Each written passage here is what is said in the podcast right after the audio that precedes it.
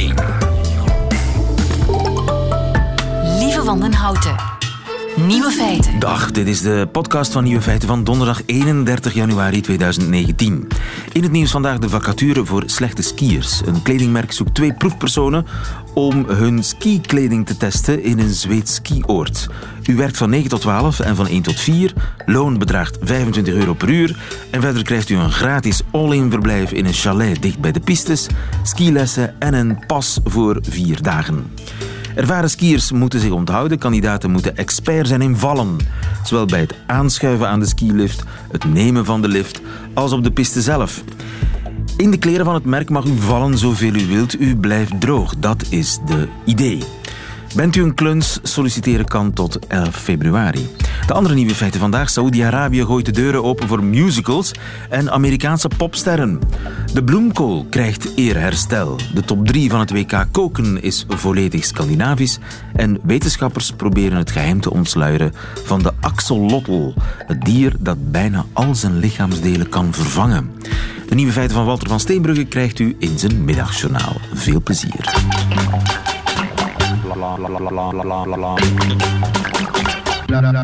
Nieuwe feiten.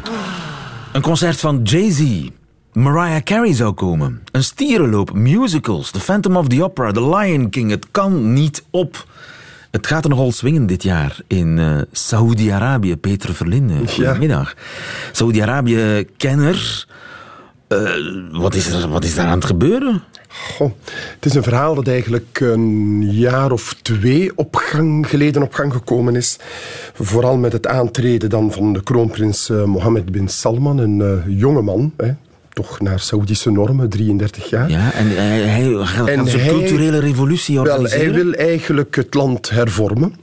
En een van die elementen van die hervorming is inderdaad een grotere openheid naar zaken die tot voor kort totaal ondenkbaar waren in Saudi Bioscopen. Een bioscoop. Uh, vorig muziek, jaar verboden. Muziek, um, vrouwen die met de auto kunnen rijden. Dat ja. is zoiets dat erg in het oog gesprongen is. Dat is nu al van, van een half jaar geleden is dat nu het, het geval in Saudi-Arabië. Ja. Dus het geeft wel de indruk alsof we naar een ander land gaan. En is dat al zo? Voel je dat al als je daar bent? Wel, het is voor mijzelf een enkele jaren geleden dat ik er uh, geweest ben, maar ik, uh, ik heb een dochter die in de regio woont en ik heb nogal wat contacten daar. Ik probeer dat nog altijd op de voet te volgen. Er verandert iets in de sfeer, maar er verandert daarom nog niets aan het fundament van de samenleving. Je moet weten bijvoorbeeld dat voorbeeld dat we altijd maar aanhalen, vrouwen die met de auto kunnen rijden. Dat kan ook alleen maar wanneer zij de toestemming hebben van hun man, of van hun vader of van hun broer. Het basissysteem van Saudi-Arabië, namelijk dat vrouwen behandeld worden als een soort kinderen, als minderjarigen, dat blijft nog helemaal overeind. En er zijn, ik denk, de betere analisten die zeggen dat wat Mohammed bin Salman doet in tot, tot op zekere hoogte ja, bedoeld is om de economie te redden. Je moet namelijk weten dat Saoedi-Arabië enorm afhankelijk is, dat weten we allemaal, van de olie. En probeert om een hele nieuwe economie op poten te krijgen. En daarvoor heb je natuurlijk investeringen nodig. Investeringen vanuit het buitenland. Want met het eigen geld van Saoedi-Arabië kan dat niet. Dat dus die niet culturele revolutie tussen veel aanhalingstekens, die is eigenlijk bedoeld voor de buitenlanders? Die is bedoeld om een beter imago op te bouwen naar het buitenland toe. En om dus bijvoorbeeld meer buitenlandse investeringen aan te trekken. In tegenstelling tot wat we zouden denken. En ook dat mensen zoals jouw dochter eens naar de bioscoop kunnen. Ja, maar dat is eigenlijk maar een bijeffect. Hè. Het feit dat de buitenlanders die daar wonen, die hebben nu ook al een zekere vrijheid binnen hun compounds. Dus binnen de, de leefgemeenschappen, de ommuurde wijken waar zij in wonen. Dat is niet de eerste bedoeling. De eerste bedoeling is dat... Imago imago om buitenlandse investeringen aan te trekken en om van Saoedi-Arabië een aanhalingstekens modern land te maken dat in de 21ste eeuw helemaal mee kan. Maar is er dan geen middenklasse die daar ook stilletjes aan op ja. zit te wachten op eens naar de opera kunnen gaan en eens naar absoluut, de musical? Absoluut. En toen ik ja, intussen toch al meer dan twintig jaar geleden voor het eerst intensief met Saoedi-Arabië in aanraking kwam, was mijn inschatting dat het veel sneller zou gaan dan wat er nu nog maar aan het gebeuren is. Die middenklasse was toen al aan het groeien. Je moet weten, Saoedi-Arabië is eigenlijk een land met twee grote machtspolen. Aan de ene kant heb je de monarchie, de koninklijke familie, met vier vijfduizend prinsen. Van de prinsessen wordt heel, over de prinsessen wordt helemaal niet gepraat. En dan heb je um, de, wat we noemen de ulama, dus eigenlijk de religieuze heersers, de, de, de, religieuze wijzen. Um, en dat dateert uit de geschiedenis, hoe dat, dat gekomen is, laat dat nu maar even liggen. Die twee machtspolen hebben altijd bepaald wat in Saoedi-Arabië mogelijk was en die zaten in een soort evenwicht. Maar de afgelopen 30, 40 jaar, eigenlijk zo vanaf de jaren 80 ongeveer van de vorige eeuw, heb je meer en meer een middenklasse gekregen. En dat zijn jonge mensen die vanwege de welvaart, want er is natuurlijk een behoorlijke welvaart voor de meeste mensen daar, de kans kregen om bijvoorbeeld in het buitenland te gaan studeren. En daar uh, zien wat er te koop is. Voilà. En te zien hoe de wereld in elkaar steekt. En destijds was dat vooral naar de Verenigde Staten na de aanslagen van, 2000, eh, van, van 9-11, eh, dus 2001, is dat meer en meer eh, Groot-Brittannië, Europa, zelfs hier in Brussel zitten Saoedi's. Ehm, en die families die komen terug naar Saoedi-Arabië en die hebben natuurlijk ook wel zin om daar iets mee te doen. Om een handel op te bouwen, om, om activiteiten te doen, zowel mannen als vrouwen. Want als zij hier in Europa of in de Verenigde Staten studeerden, dan was er natuurlijk helemaal geen probleem met die vrouwen. En dus die traditionele machthebbers, die moeten zich wel een beetje aanpassen willen ze blijven zitten. Voilà, absoluut. Dat is het helemaal. En die middenklasse, daar sluit die prins Mohammed bin Salman, dus eigenlijk de kroonprins, heel erg bij aan. Hij komt daar tot op zekere hoogte zelf uit, al heeft hij zelf nooit in het buitenland gestudeerd, maar hij heeft daar wel al de verbindingen mee. En dan is er een belangrijke economische kant aan. Want Saoedi-Arabië heeft een enorm probleem van jeugdwerkloosheid. Al die ook hooggestudeerde mensen, die komen nauwelijks aan de bak. Die hebben geen werk. En die beginnen te morren. Die hebben natuurlijk wel een inkomen, omdat de staat voor hen zorgt. Van die vervelen zich. Maar die vervelen zich. Ja. Inderdaad, bijna letterlijk. En dat geeft een onrust in de samenleving waar Mohammed bin Salman heel gevoelig voor is. En dus probeert hij buitenlandse investeringen aan te trekken. Het is geen toeval dat de voorbeelden die je nu noemt van die optredens, dat die nu op dit ogenblik plaatsgrijpen in het kader van bijvoorbeeld Mariah Carey, in het kader van een internationaal golftoernooi, de eerste keer dat dat doorgaat in Saudi-Arabië, maar ook in het kader van een hele grote investeringsconferentie, waar overigens ook Vlaamse bedrijven hadden moeten naartoe gaan. Ze zouden er wel zijn, maar niet onder het Vlaamse label, zoals we weten. Die reis is afgelast. Of die officiële kant van die reis is afgelast. En, dat, en daar gaat het over honderden, pas op, miljarden. Het gaat over 4 à 500 miljard dollar die de prins wil aantrekken vanuit het buitenland om te investeren in Saudi-Arabië. Want zelfs met de olieopbrengsten kunnen zij die investeringen zelf niet doen. En dan heb je een goed imago nodig. En dan moet je en je eigen middenklasse tevreden houden en tegelijk de buitenwereld dat goed imago etaleren. En natuurlijk is de moord op die Saoedische journalist met zijn onuitspreekbare naam in Istanbul, ja, dat heeft wel de zaken wat doorkruist. Dat was heel vervelend. En er zijn analisten die zeggen dat de propaganda, dat mag je zo wel noemen, die er nu verspreid wordt over die optredens, de cinemas en ga zo maar door, in grote mate ook bedoeld is om dat stuk slecht imago na de Khashoggi, moord... Khashoggi. Ja, Khashoggi. Na de moord op, uh, ja. op die journalist. Uh, ja, om dat, om dat allemaal een beetje... Maar in essentie, revolutie, nee. Revolutie nee, maar evolutie wel. Ik zou niet zo ver gaan om te zeggen het is louter window dressing. Nee, er gebeurt wel degelijk wat. En ik denk dat de moeilijke evenwichtsoefening waar die kroonprins mee bezig is en die ook bedoeld is om hemzelf aan de macht te houden, hij is nog jong, hij zal koning worden, dus hij moet nog een hele tijd mee. Um, ja, die evenwichtsoefening duurt langer dan ik het destijds had ingeschat, maar er is wel degelijk iets aan de hand. Er verandert wel degelijk iets in Saoedi-Arabië. Dankjewel, Peter Vlinden. En ze kunnen daar dus kennis maken met onder andere Jay-Z. Hier samen met Justin Timberlake, Suit and Tie.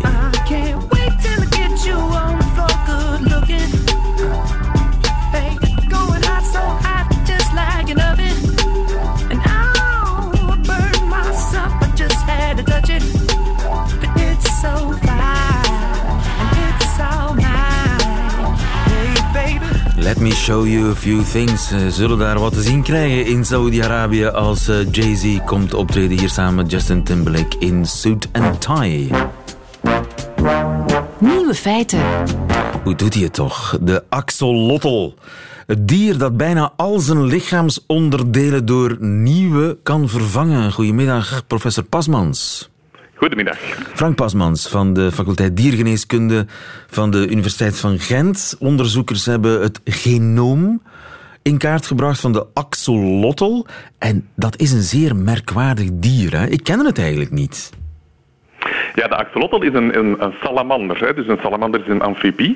Maar het bijzondere uh, van die axolotl is dat hij uh, heel zijn leven dat hij eigenlijk nooit volwassen wordt. Die heeft een soort van Peter Pan-syndroom en die houdt heel zijn leven de kenmerken van het, van het jeugdstadium. En, en daarin wordt hij volwassen en kan hij zich toch voortplanten. Hij ziet er spectaculair uit, hè? Hij ziet er spectaculair uit. Hij heeft van die grote uitwendige kieven. Het ziet er een beetje uit als een draakje. Van die grote kieven aan, aan eh, beide zijden van, eh, van de kop. Eh, en dat maakt hem inderdaad vrij spectaculair. Het is ook een, voor een salamander dan toch een relatief groot dier. Hij wordt ongeveer 30, 35 centimeter groot, wat relatief fors is en eetbaar eetbaar, niet onbelangrijk, maar hij ziet er een beetje uit als een cartoonfiguur, een wandelende vis, een emoji die per ongeluk tot leven is gekomen, met een lachend bekje. Heel merkwaardig. Komt in het wild nauwelijks nog voor. Kun je in winkels kopen, maar zie je nauwelijks nog in het wild. Ja, dat is een beetje de grote paradox met dit, dier in, in de natuur. Is die zo goed als uitgestorven. dat heeft verschillende redenen, onder andere uh, uh, watervervuiling. bijvoorbeeld het hele rioleringssysteem van, van Mexico-stad komt in zijn leefgebied terecht. Maar ook bijvoorbeeld de vissen die uitgezet zijn, die hebben grote delen van zijn populatie letterlijk opgegeten.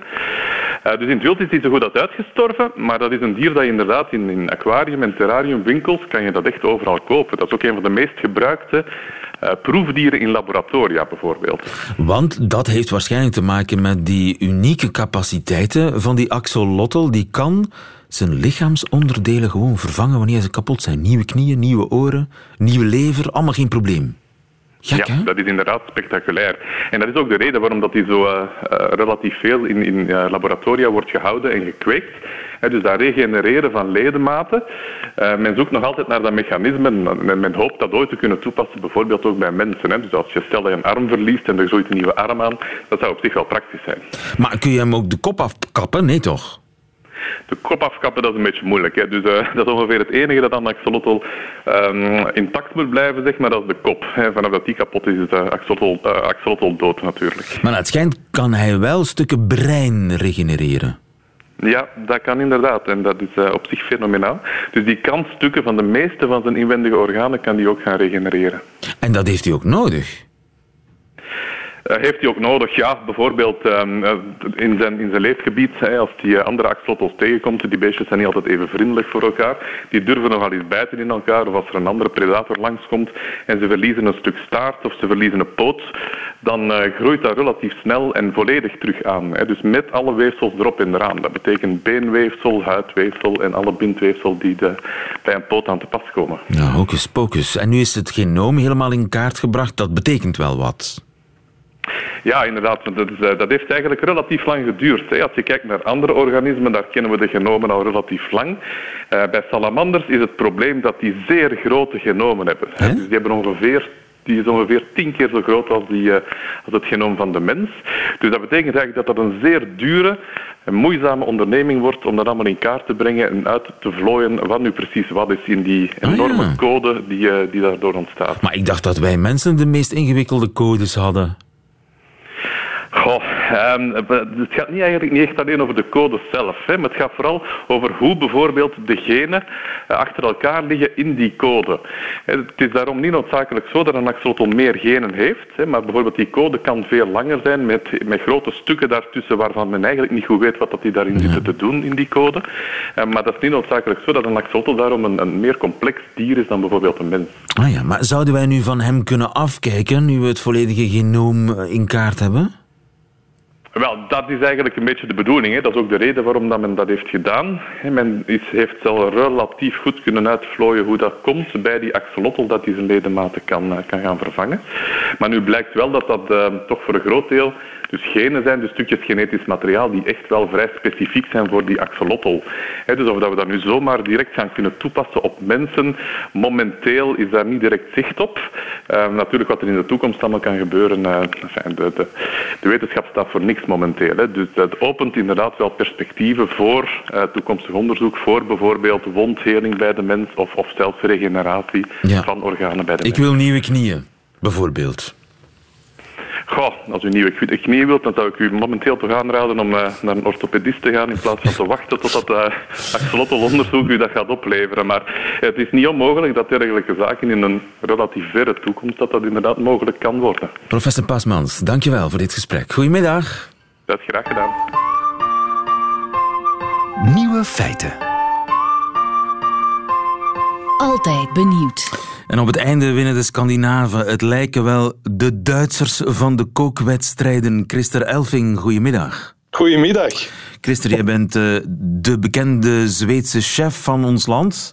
Ja. Half Zweed, half Belg. Uh, ja, de Bocuse, meer Belg ondertussen. Uh, meer Belg dan Zweed intussen, maar toch.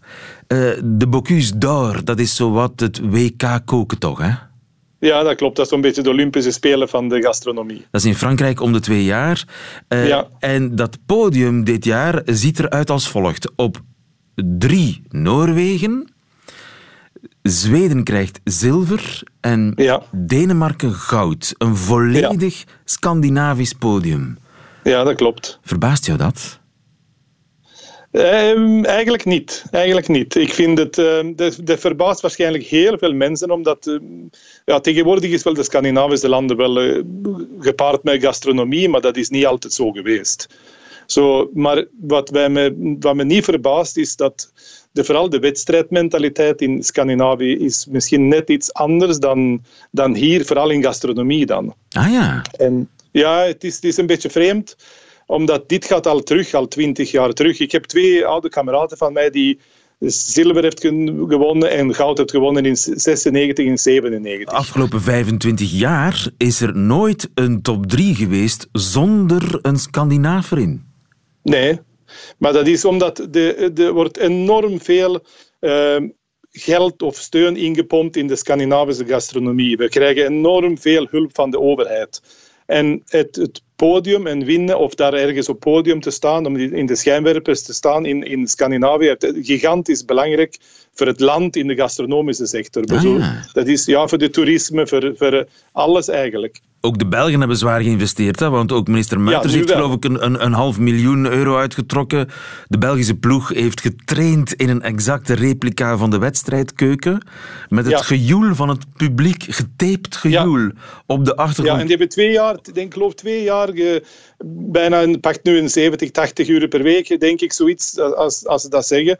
Maar dat is, ik denk, en die mikken nu om binnen vijf jaar eigenlijk de Scandinaviërs in te halen. Maar vergeet niet, de Scandinaviërs doen dit al 25 jaar. In, in een exacte replica van de keukens, met, de, met nog meer budgetten. En, en het is alle, alles wordt gefocust op, op die wedstrijd om te winnen. Want er staat veel op het spel. Niet alleen voor de winnaars zelf, de, de, de koks, de chefs, maar ook uh, toeristisch gezien voor het land. Uh. Nou ja, tuurlijk. Dat, dat is daarom dat bijvoorbeeld in Spanje of in Denemarken nu met, met Noma en René Redzepi. En dat, geeft, dat, dat brengt enorm veel op.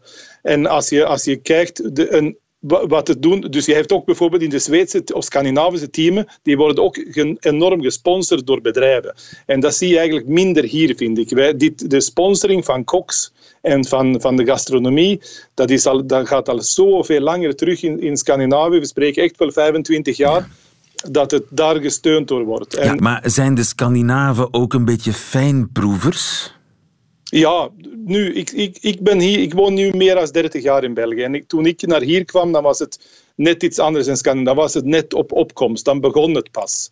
En dan was, eigenlijk, dan was het niet, zo, niet zoveel zeer sprake over het toprestaurants in Zweden. Er waren er wel een paar, maar helemaal niet zoals het nu is. Ja, en, en, de, en de, gewone keuken is ook zuurstrumming, gefermenteerde haring. Echt, ah, ja. dan moet je al een klein beetje ja, daar stevige maag voor hebben. En, ja, dat is nu echt niet echt gastronomisch. Dat durf ik nu ook niet zeggen. Maar de, en als je dat vergelijkt met de landen zoals België, Frankrijk, Italië of noem maar op, die hebben allemaal een, een, een lange geschiedenis van gastronomie. Zijn de Scandinaven aan een inhaalbeweging bezig?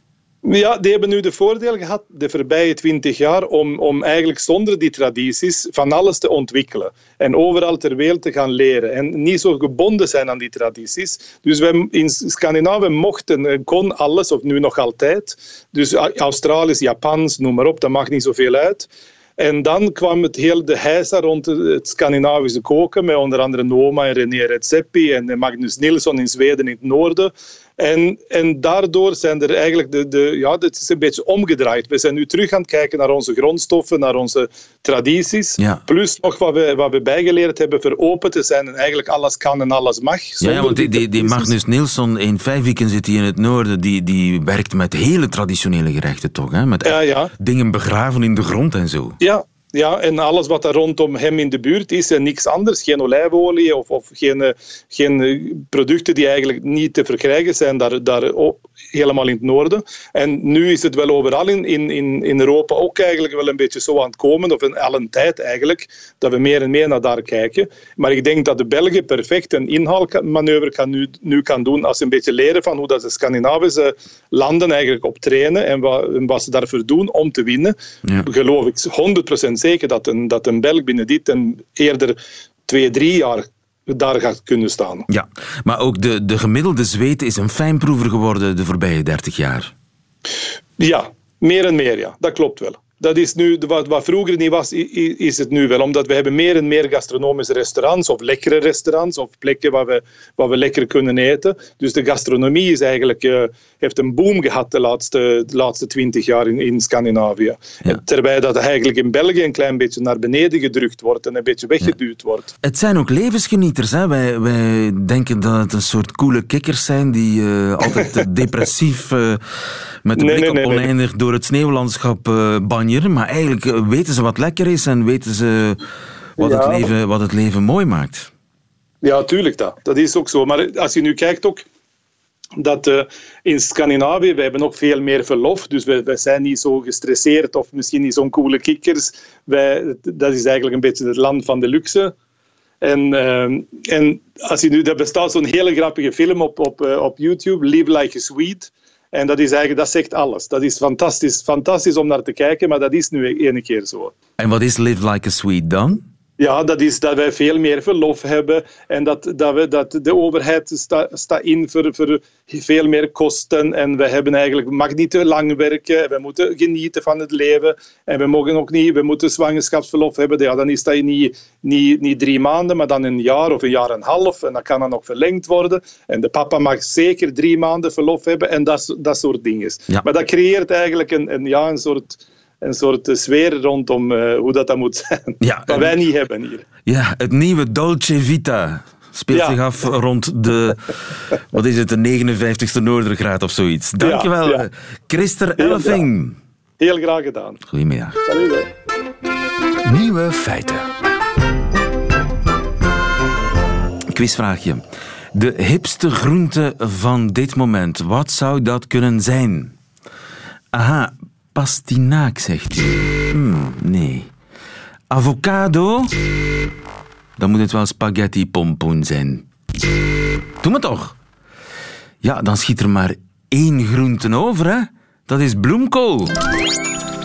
Bloemkool is de hipste groente van dit moment. Seppe Nobels, goedemiddag. Hallo, goedemiddag. Chef van Graanmar 13 in Antwerpen, groentechef in de volksmond. Seppe, ja, uh, wie kookblogs en uh, foodies op Instagram in de gaten houdt, die, uh, die ziet het, die weet het al. Bloemkool is in de mode. Ja, bloemkool is echt in de mode. En ik ben er eigenlijk best wel blij voor. Want um, dat zijn twee dingen waar ik echt voor streef. Eén, seizoensgebonden eten. En natuurlijk knolgroenten en kolen, dat is volop winter. Dus dat klopt. Dat is helemaal goed dat dat een hype is. En uh, twee, het komt van bij ons. Het is echt een lokale groente. Het is echt typisch iets van bij ons. Niet zoals bijvoorbeeld een broccoli die in de jaren 70 naar hier is gewaaid uit Italië of citrus, dat wel in het begin van de eeuw naar hier is gekomen, maar echt iets wat gewoon al jaar en dag in de Vlaamse keukens te vinden is. Ja, het is lokaal en het is natuurlijk, het heeft met traditie te maken en daardoor is het hip. Maar als ik aan bloemkool denk, eerlijk gezegd, Seppe, denk ik ja, kleurloos, vieze smaak, beetje rare geur. Ja, inderdaad. Ja, kolen die hebben inderdaad een beetje een muffe, rare geur. Zeker als je ze gaat bewerken, dus snijden en dan bewaren, dan komt er inderdaad een minder aangenaam luchtje vrij. Um, dat hebben gewoon alle koolsoorten, van witte kool tot rode kool tot bloemkool.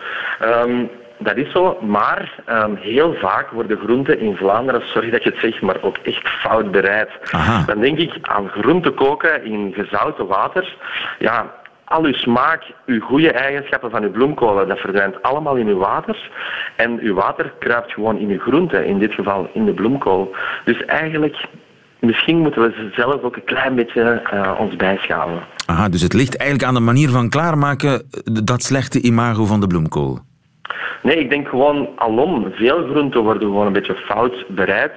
Uh, dat zit nu eenmaal in onze cultuur, dat wij alles in, in gezouten water flikkeren, maar dat, dat werkt niet. Je en... kan groenten veel beter rauw eten. Rauw? Uh, ja, dat is, dat is lekker knapperig. Met zo'n cocktailsaus? Uh, bijvoorbeeld met een cocktailsaus. Uh, er zijn ook allerhande leuke uh, andere dips die daarbij passen. Mm -hmm. Maar ook in een salade rauw kan perfect. Um, als je het echt Belgisch, Belgisch wilt houden, kan je ook pekelen of fermenteren. Want dat is tenslotte wat bijvoorbeeld bloemkolen in onze Belgian pickles, hè, die zijn gepekeld. Uh, dat is heel klassiek, heel smaakvol en zeker niet flauw. Dus je, kan, je kunt die perfect pekelen. Je kunt ook op de barbecue grillen, uh, in zoutkorst garen. Er zijn zoveel technieken die prachtig zijn bij vis en vlees. Maar als we dan groenten gaan bereiden, dan wordt het plots allemaal zo saai en boring. En dat is net waar ik voor streef. Pas die technieken van vis en vlees toe op je groenten. Dus bakken gewoon? Ja, gewoon van rauw, echt volledig rauw bakken in een pan.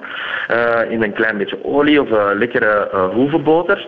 En oké, okay, je gaat een heel andere uh, structuur van de bloemkool krijgen, maar veel intenser van smaak, veel lekkerder. Heb je een idee hoe het komt dat we nu pas massaal de bloemkool herontdekken? Goh, ik denk, um, we hebben het inderdaad over lokaal gehad. We hebben het over seizoensgebonden gehad. Mensen beginnen gewoon veel bewuster met voeding om te gaan. Uh, alom, weet je, jongeren pikken het ook allemaal niet meer wat dat hun voorgeschoteld wordt, denken over alles na. En die jongeren die zorgen toch wel, denk ik, voor die hype. Die jongeren die willen toch wel die gezonde voeding en die pakken gewoon alle generaties mee. Uh, kijk wat dat er vandaag weer al gebeurd is. Ze komen op straat in Brussel omdat ze het niet dulden dat ze ons een, een, een aarde, uh, of dat een aarde geërfd wordt die dat eigenlijk al uh, bezoedeld is. Ze willen gewoon echt dat er over alles nagedacht wordt en ook over wat ze eten. Seppe, dankjewel. Seppe Nobels van uh, Graanmar 13 in Antwerpen. Goedemiddag. Dank je. Nieuwe feiten. Middagjournaal. De ochtend maakte me niet vrolijk. Ik pleitte in het Brusselse justitiepaleis voor enkele Roma-zigeuners. Het vooroordeel van de rechter zat in al zijn vezels. De lichaamstaal sprak boekdelen, behoefde geen ondertiteling. Het vervlakkingsverschijnsel heeft bij een aantal magistraten toegeslagen. Geamputeerd van gevoelens en emoties, met weinig moreel kompas, wordt zogezegd recht gesproken.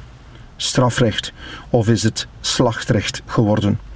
Als je immuun bent voor duiding van mens en achtergrond, mag je niet op de stoel van de machtshebber zitten. Op zoek gaan naar het goede zou toch bij een ieder moeten bestaan, en al zeker bij een rechter, wiens uitspraken bepalend zijn voor het herstel van veel menselijke schade en richtinggevend voor de toekomst. Er is nog amper tijd voor bezinning en beraad. Mensenrechten verdampen, de straf op mensenmaat is soms ver weg. Meevoelen met het lijden van een ander is een vorm van liefde, denk ik vaak bij mezelf. Enkel Nietzsche vond medeleven ziekelijk en schadelijk. Hij vond dat de medelijdende de lijdende in zijn eer krenkte. Bij Nietzsche ontbrak wel vaker wat humanitair fatsoen. Juristen van de kille, brakke grond, ze maken me bang. Soms vraag ik mij af of ze in hun privé-tijd nog goesting hebben om hun geliefde te trakteren op een goed gesprek met kaarslicht en wat erotiek. Of rest er enkel wat gescharrel bij een portie online porno. Ik haastte mij naar buiten, maar keek eerst nog even omhoog naar het vierde gebouw van architect Poulaert, dat al dertig jaar in de steiger staat en wellicht nog voor enkele decennia in die tweevlachtige pose blijft. Een bouwwerf in permanente surplus. Meest geschikte metafoor voor justitie. Dan maar naar de Marollen, dacht ik.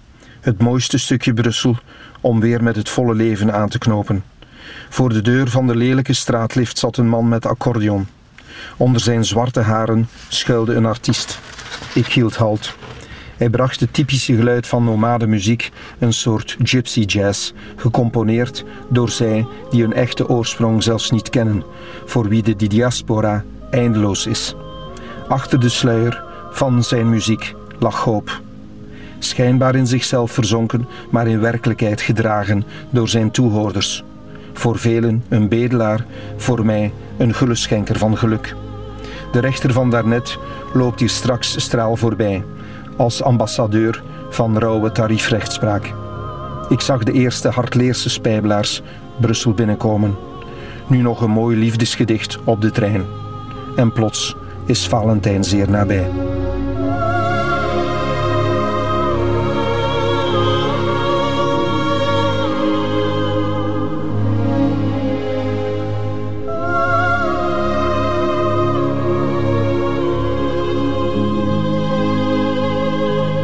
Middagjournaal van strafpleiter Walter van Steenbrugge. Einde van deze podcast, maar u vindt er nog veel meer op radio1.be en op de gebruikelijke podcastkanalen. Tot volgende keer.